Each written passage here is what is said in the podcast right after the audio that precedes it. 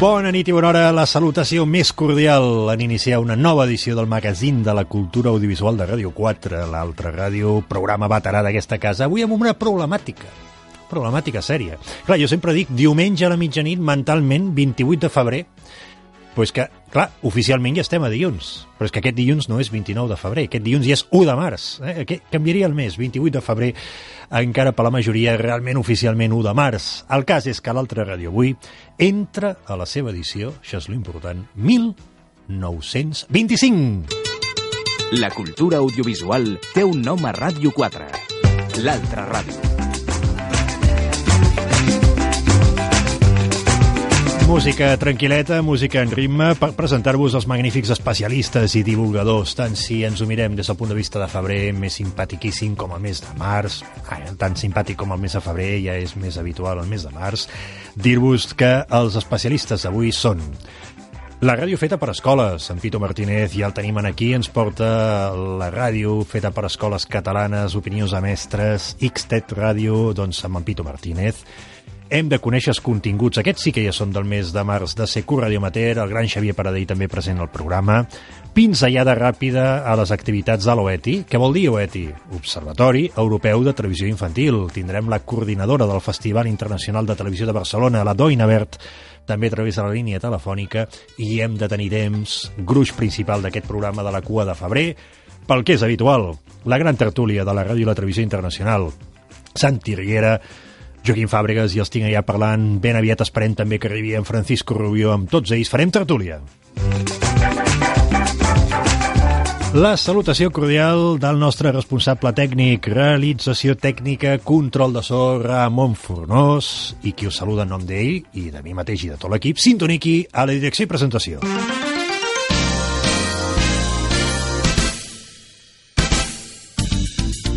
A Ràdio 4, l'altra ràdio a l'escola.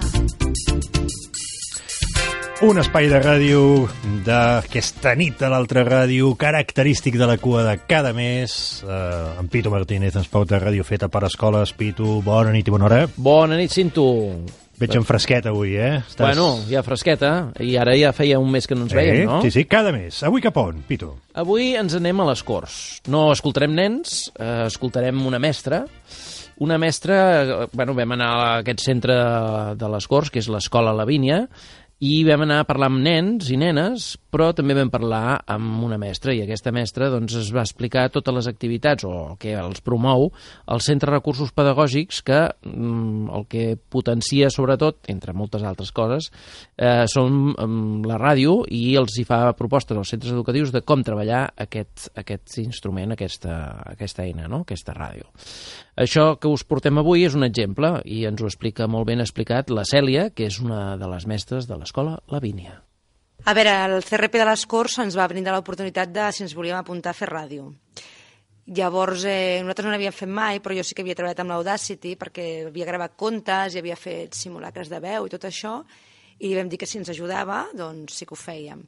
Llavors, com que ja de fèiem anys, aquí a l'escola es fa una hora a la setmana, tota primària de tallers, nosaltres ja feia dos anys que havíem decidit que els tallers eren de gent de 21 i fèiem altres tallers.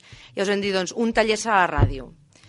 Però l'únic que... Llavors vam presentar la ràdio als nens i l'únic que els hi vam dir és que mm, el, cada trimestre anàvem, van canviant, llavors o fan, com han dit els nens, o fan hort urbà, o fan la ràdio, o fan anuncis, que ve a ser consell sobre el medi ambient que ells escullen.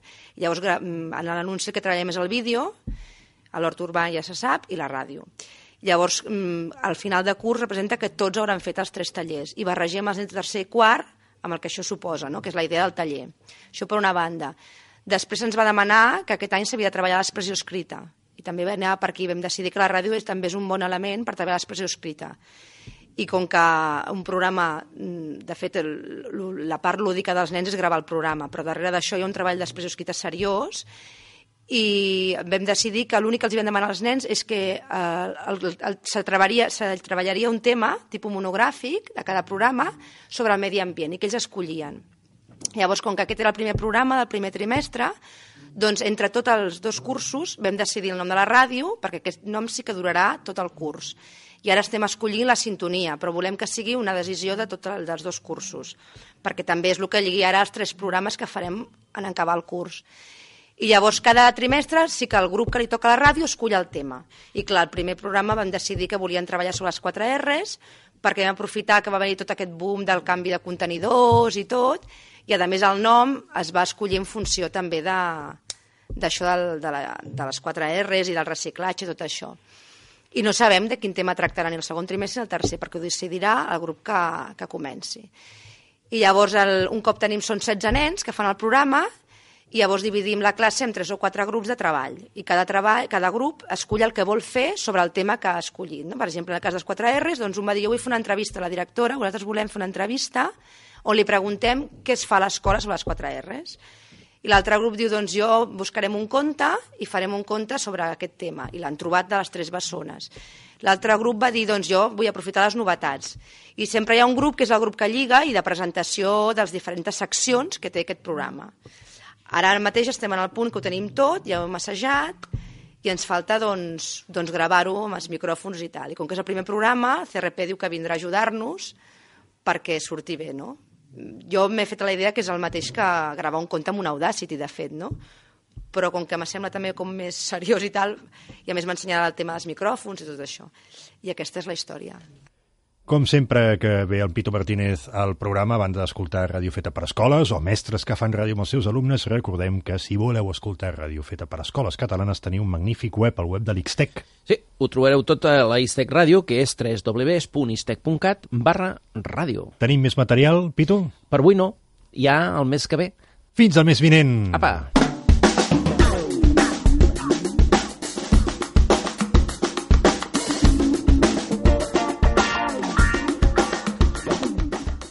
Saludem ja en Xavier Paradell, que ens ve a informar dels continguts de Secur Radio Amateur. Xavier, bona Hola, nit. bona de nit, quin sento. mes? Oh, el mes de març. De quin any? El 2010, Quin número segle? 309. 309. Número 309, eh? Secu ja de març del 2010. Mm, hem de saludar en Xavier, com sempre, destacar uns quants temes, el número B, diguem-ne, ple de temes, això ja és positiu només i és interessant. Mirem, mirem-ne cinc només, ja n'hi ha Cinc prou. temes, molt bé. ha el prou. primer és deixar No, el constància... primer, el primer lamentablement, Eh, és... de dues eh, persones que ens han dues, deixat. Unes necrològiques ens ha deixat el, el Dave Ingram, el quilo 4 Tango Whisky Juliet, que és un home que se- va fer un far de, de fer articles en la revista Ceco Americana i que ha- n'hi hem traduït molts, molts, molts, tant és així que inclús en aquest número, en el número 369, hi ha un parell de coses d'ell, perquè aquest home era, era molt incansable llegint.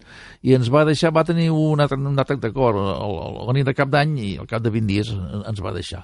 I una altra persona, en Josep Bu- Bujan, EA3 Índia Serra, que aquest és un pioner d'aquells de la ràdio dels anys 30, un home que... Clar, perquè l'indicatiu té morir. Sí, sí, aquest, història, no? I tant, té història. IS, dos I lletres, és- una I llatina, sí. aquest, ell, aquest va ser dels pioners de, de la BHF aquí i va fer una cosa molt interessant, una, la primera expedició espanyola a la, a la província de Sidi Ifni. Quan Sidi Ifni era una província espanyola, que era precisament quan jo navegava, precisament, i aquest home, quan jo encara no, no, no tenia l'indicatiu actual, ell ja feia expedició estava a Sidini amb modulació d'amplitud... Al nord d'Àfrica fent transmissions etcètera. No? Molt I, bé, i, va ser un col·laborador de CQ i també, bueno, la setmana a passada... recordar el nom i cognom d'aquest company radioaficionat que també Josep ens ha deixat? Bujan, Eco Alfa 3, Índia, Serra. Eh, una persona ja de 90 anys... eh, 91 anys, 90 llargs, sí, que sí, sí. doncs també I, bueno, en fi, ja dic és un col·laborador de CQ i, i, molt, i, i molt estimat. Parlant nosaltres. de- d'expedicions, recordem. Parlant Eh, d'expedicions... dius que hi ha dos temes molt bonics en aquest seco és, de mares. És divertit perquè els espanyols comencen a aprendre a fer expedicions, i ni que sigui amb certa, una, amb certa modèstia, a la, el que ells en diuen la Isla Bonita, que és la illa de la Palma, La Palma, la Illa Bonita. eh? durant el concurs de WPXSCB del 2009 van anar allà i van fer una molt bona actuació en el concurs, van quedar a molt bona posició. I després una, una mica més de- de- de- d'empenta, cap a Groenlàndia, que això està molt lluny, eh? I a. Groenlàndia, allà sí que les van passar molt, molt, molt apurades, eh? Molt bé, veig aquestes notes, Xavier, que tens aquí del secu eh, per parlar avui. Diu, eh, tornen els receptors regeneratius. Ah, sí, això és un, és un fenomen curiós. Això em sona el nom de regeneratiu de fa anys, però eh, Sí, sí, primer, és- abans d'explicar per què tornen, és el, el concepte El regeneratiu. recurs regeneratiu és reinjectar en l'entrada una mica de la sortida d'un amplificador fins al, en, en fase positiva, que cada senyal incrementa...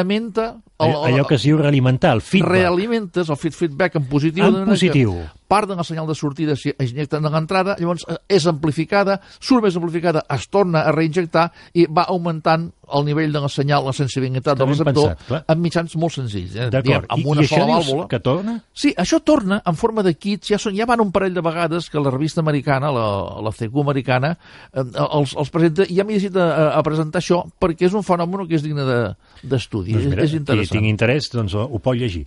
Uh, per sort, igual que hem començat a deixar en constància d'un parell de persones que ens havien deixat, un específicament des del secu americà, col·laborador de secu Radio Amateur, hi ha noves col·laboracions. Sí, I això sí, hi ha una renovació, en ja, castellà. ja feia temps que havíem Qui de... és el nou col·laborador? El col·laborador és en, en Salvador... Um, momento, Sal- Salvador Domènech, exactament, el llegia malament. Secció del Salvador Domènec. propagació. Propagació. La difícil secció de, de, de propagació. En Domènech és un home que és, és un, un aficionat científic, que li agrada la, la, la ciència, i en, en, li vaig proposar que portés la secció i va dir que sí, va, va acceptar, Doncs, i la primera de prova ha sigut esplèndida. I acabem, perquè no tenim temps. I acabem. Per més, Els que- amb, amb, amb un recull, no? amb un recull. Mira, els que vulguin, estiguin interessats en canviar-se o comprar un equip mòbil de, de VHF... Això de butxaca. No, no, no, no, no, pel cotxe. Ah, pel un cotxe. Mòbil, un mòbil, no, no un transportable. No- no walkie-talkies, no de mà. Sinó un, un, Mòbils de cotxe. El que se'n diu mòbil de cotxe. De VHF i UHF. Hi ha una revisió completa de tot el que Ah, hi ha en el mercat interessant, interessant. Les, a partir de, entre la pàgina 56 i la 64. O sigui, hi ha moltes pàgines de, de, de tot el que hi ha en el mercat. Val la pena tenir en compte doncs, la magnífica publicació divulgativa del món de la radioficció del Secu Radio Amateur, que es pot aconseguir per subscripció demanant un número específicament al telèfon que en Xavier El Paradell telèfon ara ens d'atenció al client, que és un telèfon fàcil de recordar, 902 999 829 902 999 829. També hi ha una adreça de contacte www.secu-centralradio.com Com, eh? exactament. www.secu-centralradio.com Nosaltres eh, coneixerem més continguts del Secu a final del mes vinent. Fins aleshores, Xavier, i que abans t'escoltarem també amb les històries de la radioficció. Gràcies, bona nit. Bona nit, sento.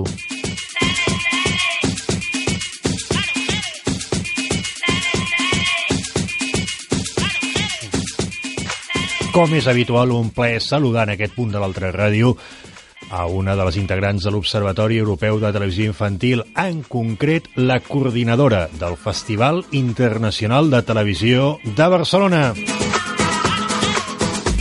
Això vol dir que saludo amb la bona nit i bona hora més cordial a la Doina Bert. Doina, com anem? Bona nit, Sisu, molt bé, gràcies. Comencem Tu? mirant abans eh, nosaltres bé, com sempre, quan estem en antena, sempre estem contents de comunicar-nos amb els oïdors del programa. Comencem mirant calendari de festivals i després donaràs una novetat del Festival Internacional de Televisió Infantil de Barcelona.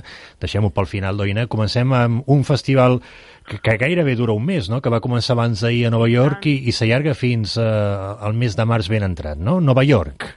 Nova York, uh, New York Chil International Children's Film Festival, del 26 uh, de febrer, an- abans d'ahir va començar, fins al 21 de març.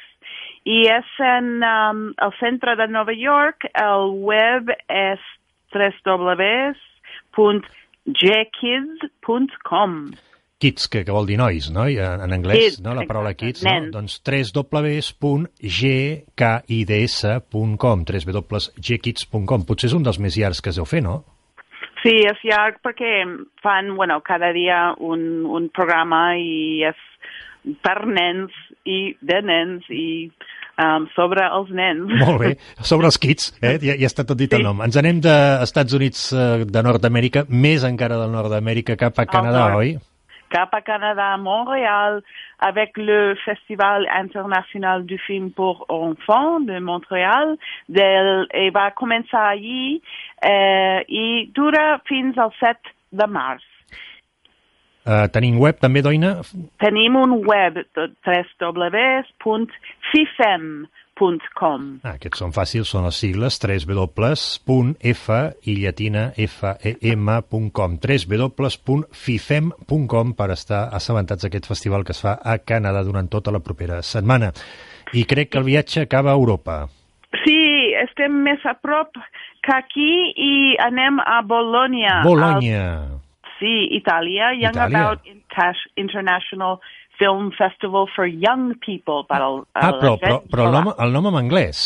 I tant, perquè és més Sobre, sobre la gent jove en anglès. Young About. Ah, caram. Young About, sí, exacto. És about young people, sobre i per, clar, com, com tots, no? Del 8 al 13 de març i competició eh, hi ha. Hi ha un eh, premi interessant del um, el jurat que de joves, també, que eh, sempre eh, penso que és molt interessant que els joves fent eh, la seva... Eh, La seva tria. D'acord, el seu criteri. O sigui que hi ha un jurat específicament de gent jove que atorga un dels premis. Està bé, Sí, és una i bona com idea. tots, doncs, ten, té animació, curts, eh, llargs i documentals. www.youngabout.com Oi, l'adreça www.youngabout.com escrit tot seguit. I la novetat, Festival Internacional de Televisió Infantil de Barcelona, 14a edició en aquest any 2010, això serà la tardor, però la coordinadora, la Doina Bert, avui a l'altra ràdio vença una important novetat. Sí, la nostra FITPI introdueix una nova categoria en el festival que celebra eh, del 15 al 19 de novembre d'aquest any i és la categoria de videojuegos, videojocs. Categoria de videojocs. Sí. Interessant, molt bé. I, com sempre, ho farem en el Caixa Fòrum i la convocatòria ja està obert. Estem actualitzant el nostre web, canviant-ho. Um, L'adreça no l'heu canviat, oi, Doina? L'adreça seguirà el el, mateix. el contingut sí, eh? ben fàcil, www.oeti, amillatina.org. Eh? Per tant, categoria de videojocs, diferents categories també del món de la ficció audiovisual, www.oeti.org, tota la informació, com cada mes nosaltres agraïm a la gent de l'Oeti específicament avui la Doina Bert que estigui al programa, amb Doina crec que també el mes vinent contactarem amb tu, per tant, res, qüestió de 30 dies i tornes a estar aquí amb nosaltres. Exactament, i teniu fins al 31 de maig per eh, entrar a les inscripcions i gràcies, per, com sempre, per incluir a l'OETI i el FITPI en el programa de l'altra ràdio. Un plaer, com sempre, Doina, fins aquí 30 dies al dit. Bona nit. Bona nit, adeu. L'altra ràdio. A Ràdio 4.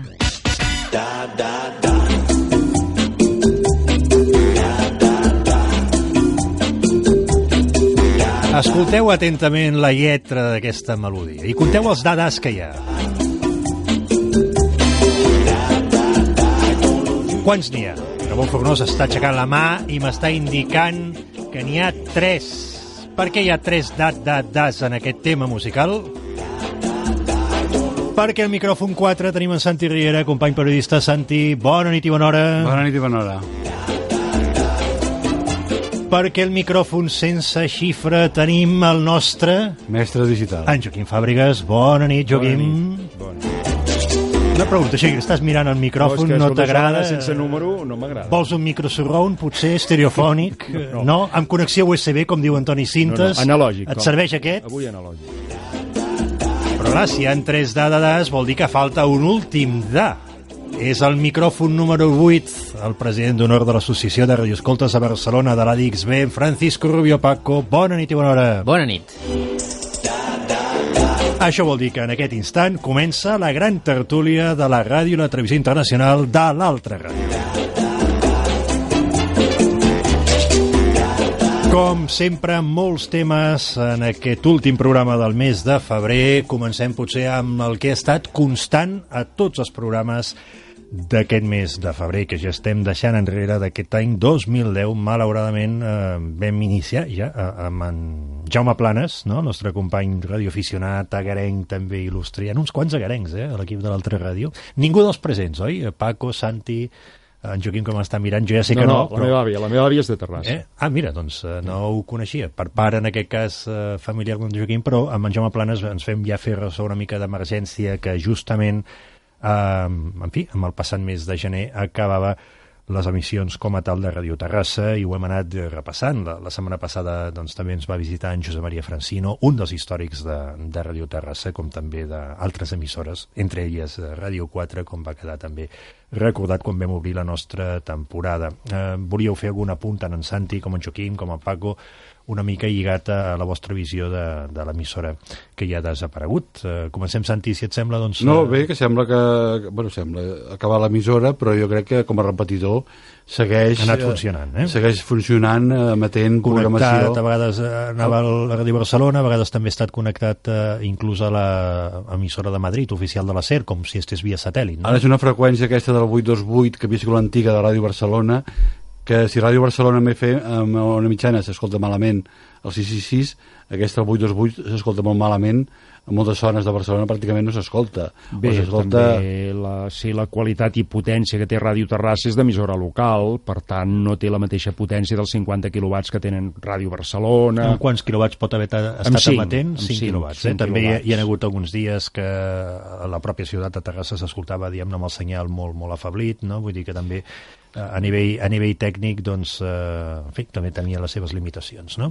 Però vull dir que és un tancament re relatiu perquè si segueix com a repetidor el que tanca és, òbviament, l'emissora com a tal com a tal, però no com a repetidor com nosaltres hem, hem dit perquè Radio Terrassa jo diria que tenia molt poques persones ara treballant, és a dir, hi havia el cas de l'històric que recordàvem la setmana passada Fernando del Collado no, No, no, que, aquest és el director. que era la persona que representava el magazín i havia exercit de, de director, que eh, la setmana passada doncs, en Lluís Segarra ens va deixar escoltar les últimes paraules, diguem-ne, Sí, perquè va dir en YouTube, antena, no? si Està al algú els YouTube, troba, si els busca al YouTube, hi ha al final, amb gravació directa del Lluís del I Collado. després hi havia algunes periodistes eh, d'edat ja molt més jove, però, però molt poques persones, eh, per exemple, una companya periodista que podíem dir feia gairebé tota la, la informació de l'emissora, molt, molt, diguem-ne, també amb diferents horaris, eh, però, però era gairebé com dos o tres persones que finalment havia... Consti que també no fa gaire temps aquesta emissora potser podia tenir una vintena de persones en plantilla que ja va anar d'alguna manera afablint-se i perdent, evidentment, persones eh, treballant-hi, no? Paco? Sí, volia fer un comentari perquè ara feia un, un, pràcticament un mes i mig o sí, abans de, de conèixer el tema del tancament de Ràdio Terrassa, que es va comentar que hi havia un llibre del, del Joan Socabús, dels 80 anys de Ràdio Terrassa, i comentant als mitjans de, de, bueno, de les llibreries i tot això, de, especialitzades, em van dir, van fer unes consultes, que aquest llibre que ja es va fer a final del 2008, acabant al, al principi del 2009, encara no s'havia presentat una presentació pública d'aquest llibre dels 80 anys de Ràdio Terrassa, i home, ara coincidit en el tema aquest tancament, Uh, jo des d'aquí demano, si algú està escoltant aquest tema, que es presenti aquest llibre perquè està en la informació de l'editorial que ho ha fet, però el llibre no s'ha presentat, és un estudi del, del Joan Monsocabús, que ha fet molts llibres aquí de Ràdio Nacional i important aquí a Ràdio Nacional. l'hem tingut al programa fer- en moltes ocasions. Correcte, va fer el, el, el llibre de la història de cadena catalana, i que Ràdio Terrassa tenia molta relació amb Cadena Catalana, perquè molta gent que treballava a Cadena Catalana, a les Rambles, també estava a Ràdio Terrassa, ho havia passat o al contrari. És a dir, que jo eh, des d'aquí demano que es presenti aquest llibre i que públicament, perquè què millor que parlar dintre d'aquesta desgràcia, d'aquesta desaparició d'aquesta Hi emissora. havia aquell lligam en aquella època no, del que era Radio Espanya de Barcelona, Cadena Catalana, Radio Terrassa, diguem-ne, la figura del de, senyor Salillas, diguem-ne, com a lligam d'alguna forma d'aquestes emissores i, per tant, d'alguna forma sempre hi ha hagut una... I una programes relació. conjunts que es feien en certes èpoques. Jo, jo volia dir, tornant a un, a un comentari que hem fet moltes vegades, que l'hora mitjana de Ràdio Barcelona, eh, el 666... Sí, també té problemes. Eh? té molts Això problemes. de la sempre... xifra deu marcar, eh? Aquesta Sí. xifra que alguns també li troben Sí, a la sí, lectura, sí. no? És, és Sí, ha tingut sempre molts problemes d'audiència Sí. perquè està, eh, està a Sant Boi amb uns terrenys que no sembla que siguin els adequats i des de, bueno, està des de fa uns anys no Sí, la, la radiació d'alguna manera sembla que no... vull dir que el, no, si, no el és 828, l'òptima. si el 828 podia servir en algun lloc com a, de- com a repetidor perquè s'escoltés millor la, la una mitjana ara amb aquesta desaparició no crec que això ho potenciïn de cap manera no? A més, jo penso, no sé, Joaquim, perquè a, a, aquest eh, transmissor sempre ha estat molt a prop de l'aeroport, és a dir, que potser no sé si té res que veure en el tema aquest de la conges- ingestió de, de, de, de freqüències i dones, perquè jo crec que no està en un lloc ben situat per, per abarcar Bé, Barcelona. particularment crec que l'anar-se'n Ràdio Barcelona del Tibidabo, una mitjana, punt molt difícil per l'hora mitjana, pels terres i per tota la cobertura tècnica, se'n va d'haver anar molt de pressa per tal de cedir l'antena a la Corporació Catalana, en aquell moment TV3, que va ubicar les antenes en el mateix poste, no en el mateix, que el poste era pivotant i se'n va, se va haver de posar un de nou, que és el que actualment encara hi és. Per tant, aquesta fugida tan ràpida potser va incrementar el fet de buscar un lloc no del massa dient, no massa dient en quant a terres, com, per exemple, hi ha el punt més adient, que seria el Vallès, on mm -hmm. està com Ràdio i Ràdio Nacional, el centre emissor del Nord-est, Ràdio 5 i Ràdio 1, que per mi, en quant a terres i cobertura geogràfica de Catalunya, és el més bo. I el cas, i el cas perdó, també, que s'escolta molt bé en cas de la COPE, 783. És a dir, que tampoc té aquesta, Exacte, aquest, no, no, problema. No, no, a veure, la, la cadena SER quan anar, com ho diu, quan se'n va anar del Tibidabo, l'hora mitjana va fer una baixada de qualitat mm. molt gran. I a mi directius de, de la cadena SER durant els anys 80 em van reconèixer que eren molt conscients d'aquest tema, però eh, que havien anat a Sant Boi o al costat de Sant Boi. Torrelles, sí, Torrelles de Llobregat. Que les terres eren molt dolentes per l'ona mitjana, però que estaven allà. Vull dir. És que lo important per una emissora d'ona mitjana són les terres, el terra, el terra de, de contrarreflector per tal de que aquestes zones tinguin un rendiment òptim. Jo el que volia afegir amb el tema de Ràdio Terrassa, potser el tema no paït és una mica semblant al de Ràdio Manresa, és que no són emissores pròpies de la cadena SER. Llavors aquest fet de ser Ràdio Club, emissora associada, a nivell, a emissora participativa, hi ha molts nivells, no, no era el mateix el, el mateix de Ràdio Manresa que el de Ràdio Terrassa, la desvinculava una mica i a més a més tot el moviment d'accionistes a partir de Josep Manel Salilles, que, que va implementar un canvi d'accionariat i això no va quedar molt bé i va quedar compartit amb el que era l'Ajuntament i, i un gran nombre d'accionistes doncs, que eh, van fer trontollar una mica la continuïtat i la balança de, de, de, de, de, de continuïtat d'aquesta emissora. El fet de que se la quedés el Blas, eh, el, el de Blas Herrero, el Blas Herrero aquí ja es va incomplir un fet en quant a que Ràdio Club 25 va passar a ser una emissora de la competència, la cadena SER va dir o me la quedo o em desvinculo. Al final Blas Herrero no li ha venut aquesta emissora, se n'ha desvinculat. Ara aquí s'ha de saber aquesta ona mitjana de 8, 8, 8, 828, perdó, què fa Blas Herrero si és que en vol fer alguna cosa perquè potser no la vol cedir a la cadena SER i aquí ve el problema. No, però de moment va matent la programació de la SER. Eh? Ha anat emetent eh, de, la programació de la SER durant, durant el mes de, de febrer i anirem però, seguint però una mica... Però per mi això no és Ràdio Terrassa. No, evidentment, és, no, és un no, repetidor, no. no? I veurem una mica el destí final, perquè també, com va dir el nostre programa, en Lluís Segarra, la freqüència modulada que estava utilitzant Ràdio Terrassa com a tal, ja en el pla pilot, és de mola. És de mola freqüència modulada, per tant és una FM que ja tenia un nou adjudicatari.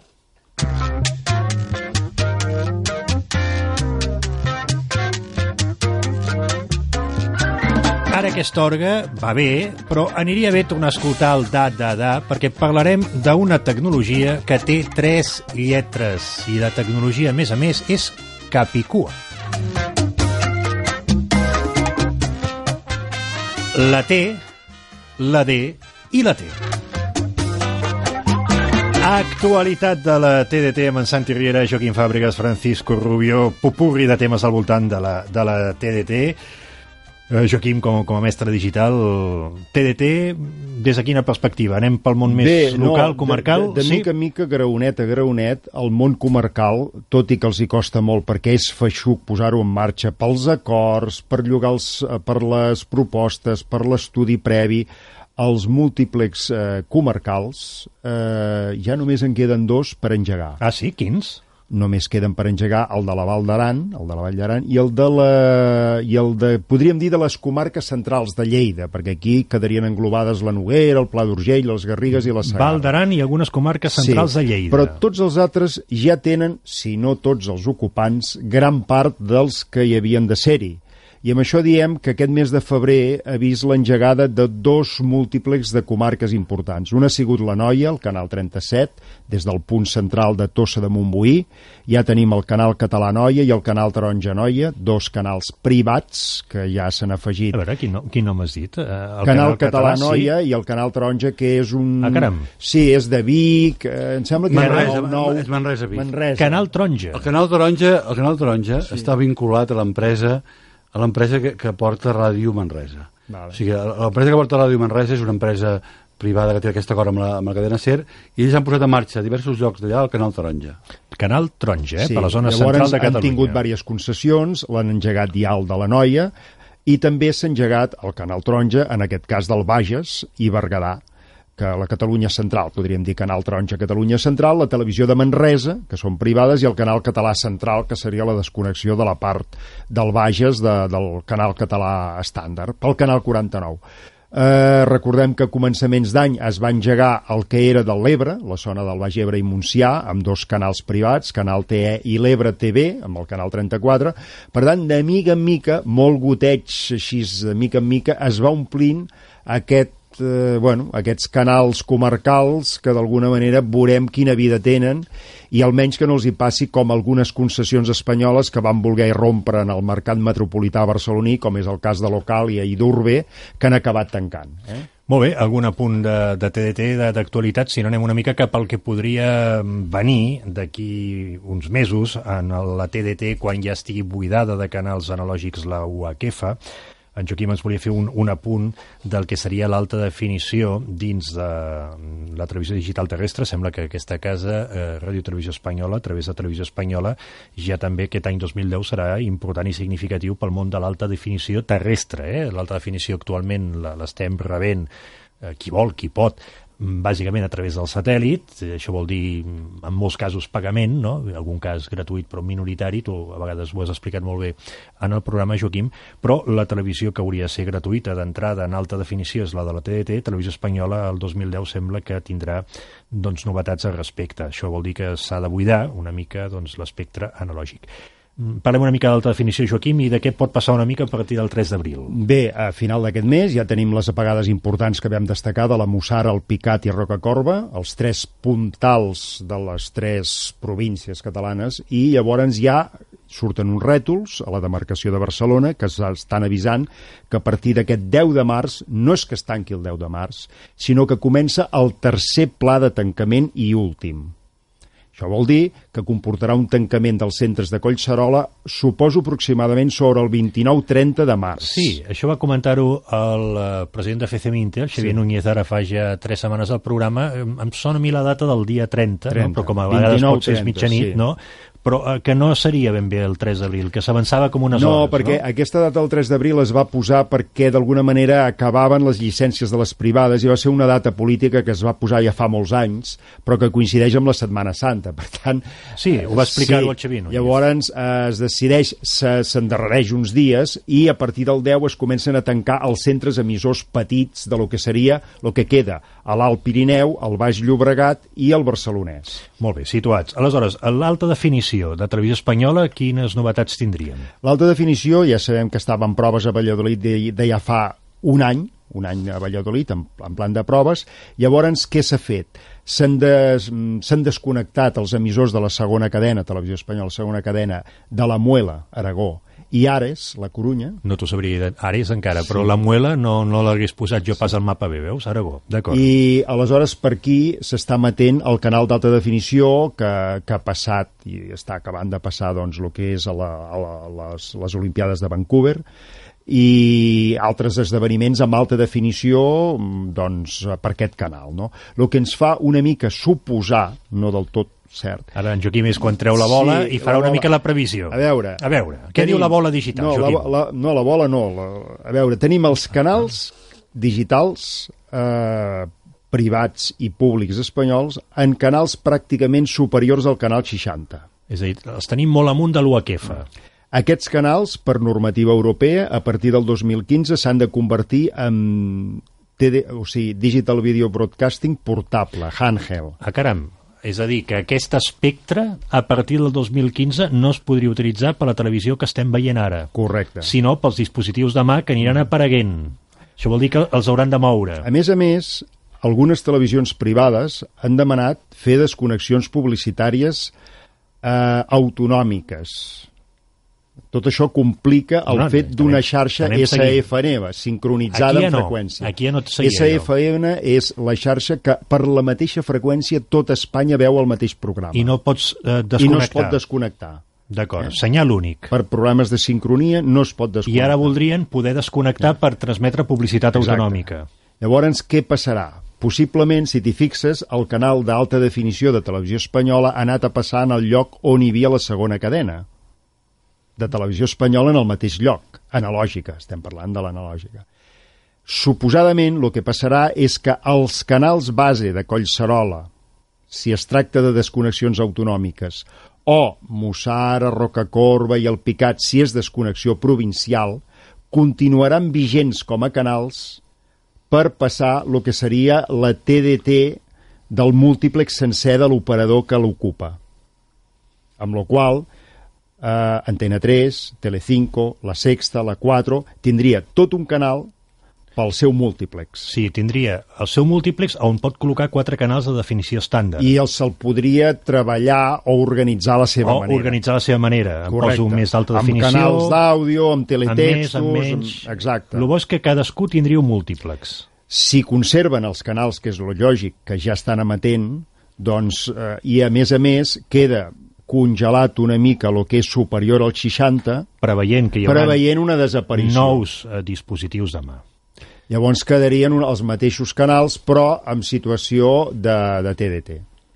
Déu-n'hi-do. Això seria el que es preveu. Ho hem seguit, Santi? Ho hem seguit més o menys, sí. Uh, no us preocupeu, els seguidors del programa, en Francisco Rubio, Sí, que estava prenent apunts, que sí. ens farà un resum ara de 10 segons. No, no, no, no demanarem tant. No, No, demanarem no preocupes perquè després el receptor ja buscarà la freqüència. No ens preocupem, eh, però clarament explicat, però déu nhi els canvis que encara estan per arribar per veure els canals a través de la TDT.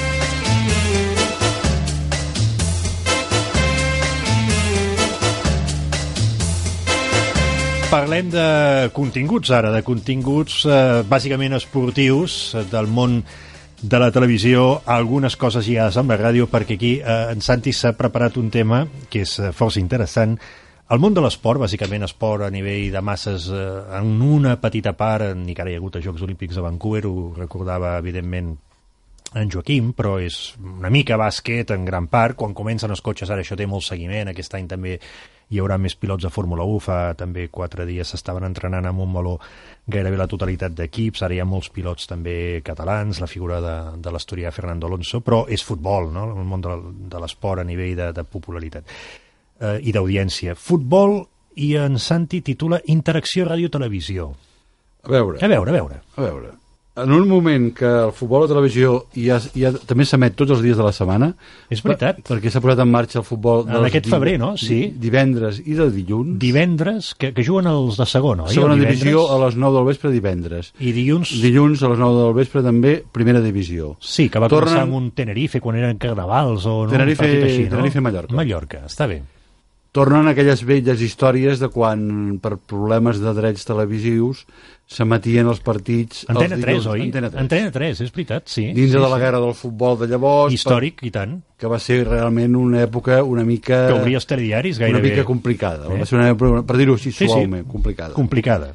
Llavors, què vull dir interacció a ràdio-televisió? Eh, en aquest cas, donat el món de l'esport, el boom de l'esport, el boom de l'esport a la televisió, hi ha una, una clara interacció entre les empreses que emeten per ràdio i televisió eh, programes esportius. Això fa, per exemple, posem un exemple, comencem per Gol Televisió. Gol Televisió, que ha aconseguit els drets de, de la majoria de partits, bueno, els drets de la Lliga Espanyola, que ofereix a través d'una targeta de pagament a través de la TDT, que ha sigut un veritable boom de subscriptors, em sembla que estan entre els 800 o 900.000. Des del setembre, que va començar, no?, d'una forma una mica ràpida i precipitada, dius que ja calcules uns 800.000 subscriptors, a banda dels que ho poden veure a través, per exemple, d'Imagenio. A través... eh, No, no ho sé. Sumant no tot sé. plegat, potser. No? És- Jo crec que sumant tot plegat. Sumant els que han comprat el descodificador, sembla més lògic, no?, pel volum de xifres, Sí, sí. més els propis que es van beneficiar de, de veure Gol TV a través d'Imagenio. Eh, Llavors hi ha una interacció molt clara, eh, que tothom utilitza i tothom fa la, la, seva, la, la, seva, la seva guerra.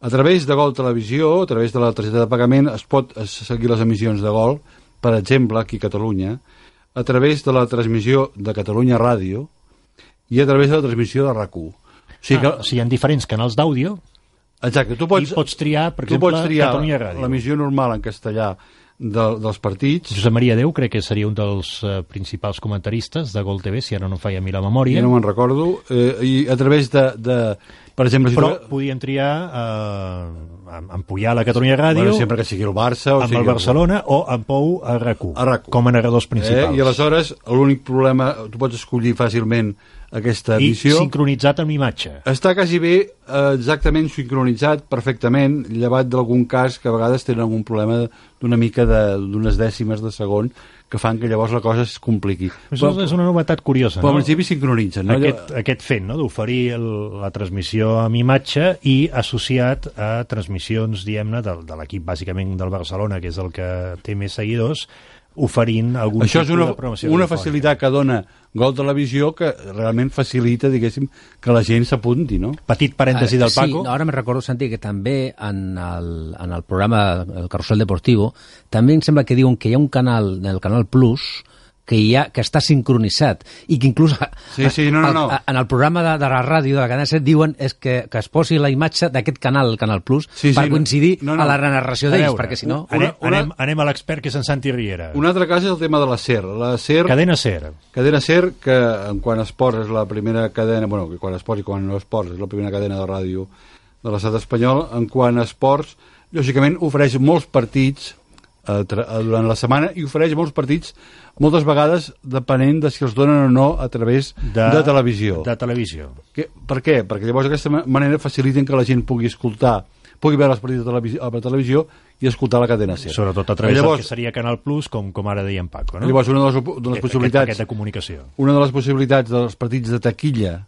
dels partits de taquilla i em sembla que també eh, dels partits de Canal Plus els diumenges al vespre és posar la transmissió que fa la SER eh, d'aquests partits al carrusel deportivo i lògicament està sincronitzat eh, la transmissió de ràdio i televisió perquè eh, la SER ofereix molts partits, ofereix molts partits, entre altres coses perquè interessa televisivament que la gent vegi els partits a través de la televisió i llavors els hi donen d'alguna manera com, els, com un regal la transmissió de ràdio.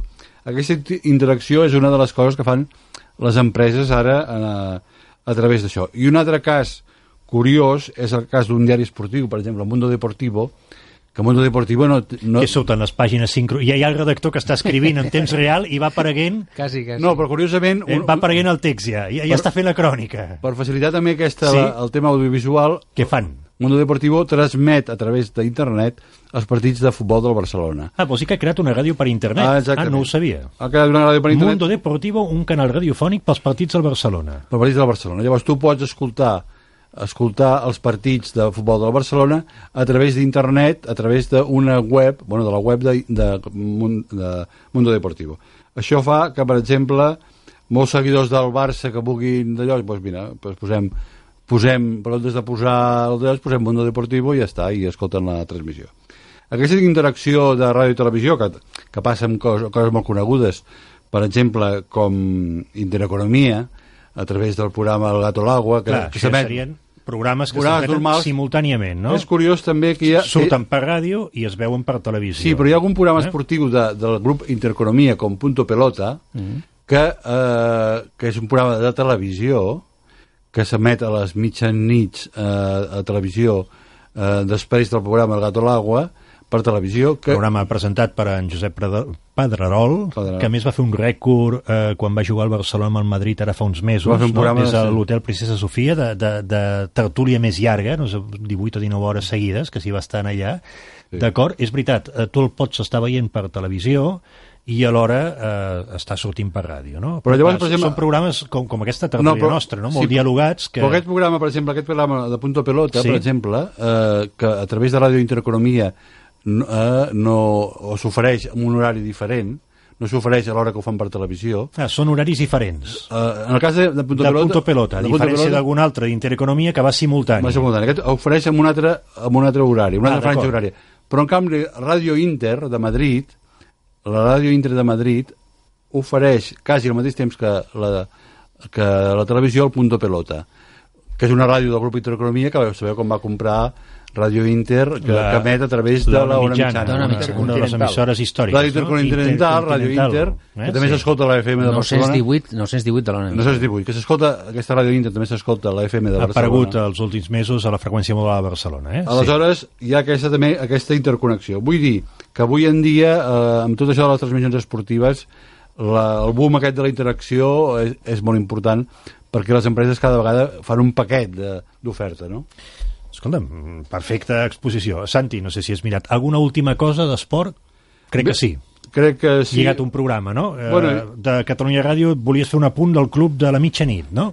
El Club de la, de la Mitjanit, programa... Presentat per en Pere Escobar. Programa d'esports presentat per Pere Escobar, que hi ha hagut una certa polèmica fa uns dies, inclús a nivell parlamentari, sobre si tenia poca audiència o tenia... Programa que ha començat en aquesta temporada radiofònica, temporada. eh? A veure, jo simplement volia eh, dir dues coses molt senzilles.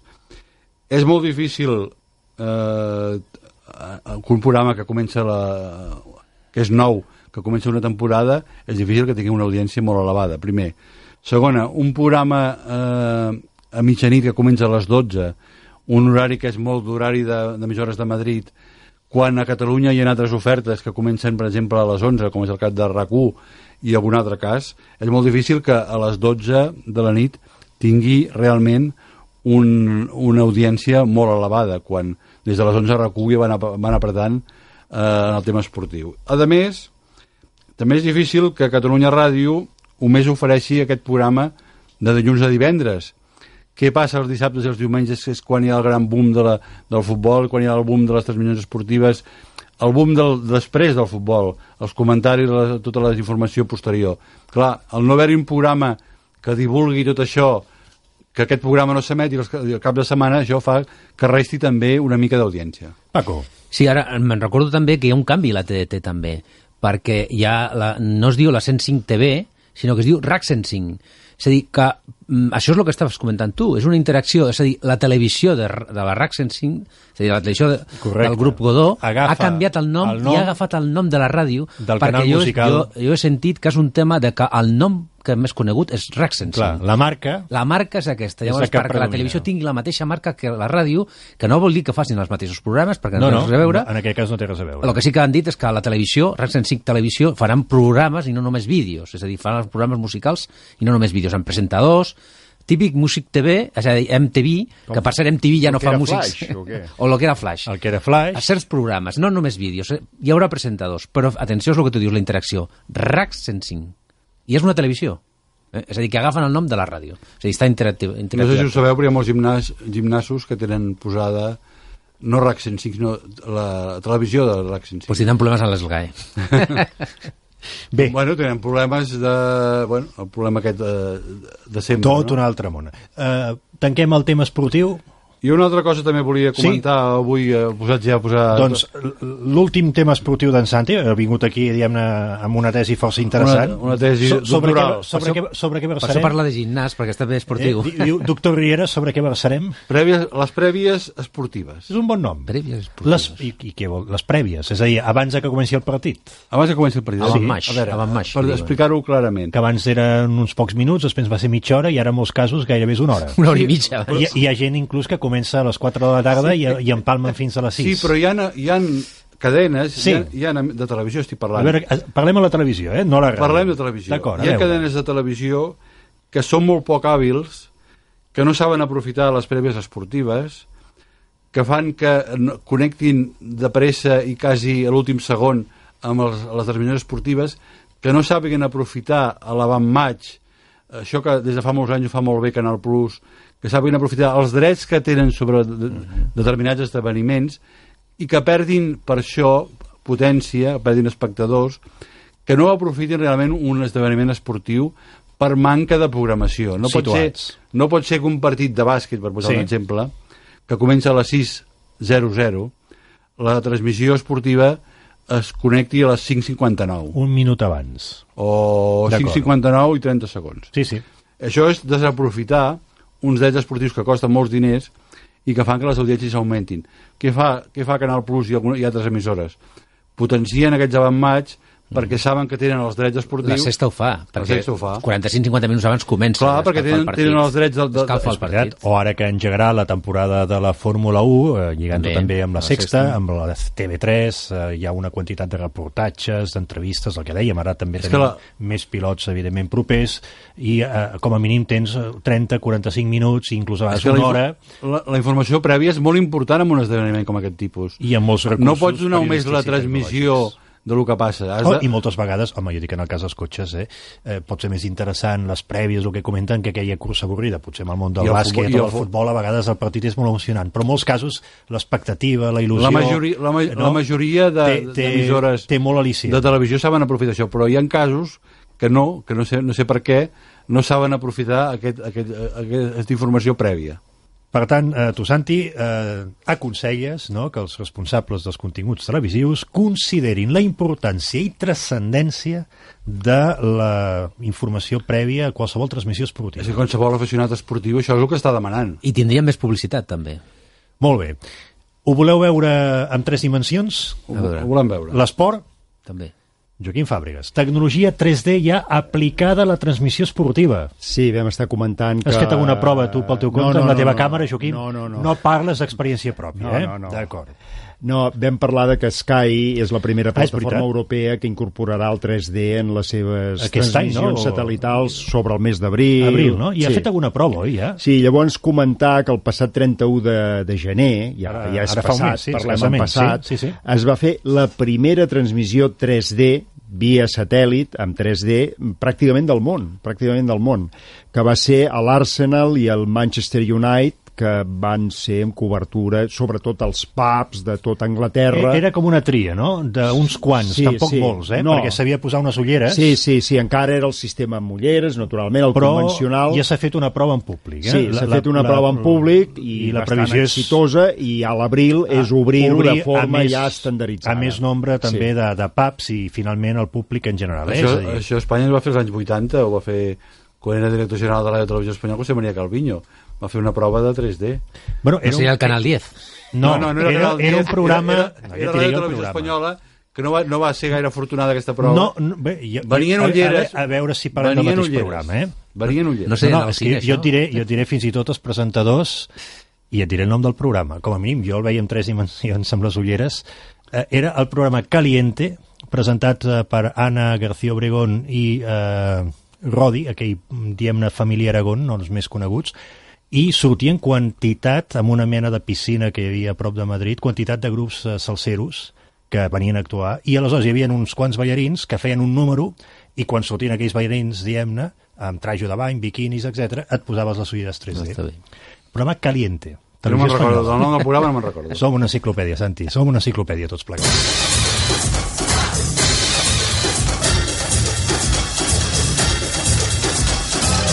Ara algú voldria que continuéssim parlant del programa Caliente, doncs no ho farem. Anirem a la tecnologia també pròpia de la divulgació. Ens queda algun tema per parlar? Home, i tant, ens queda tres lletres més. És que avui tot va, diguem-ne, amb això del da, da, da, eh? Té més lligam del que sembla. De la TDT a tres noves lletres.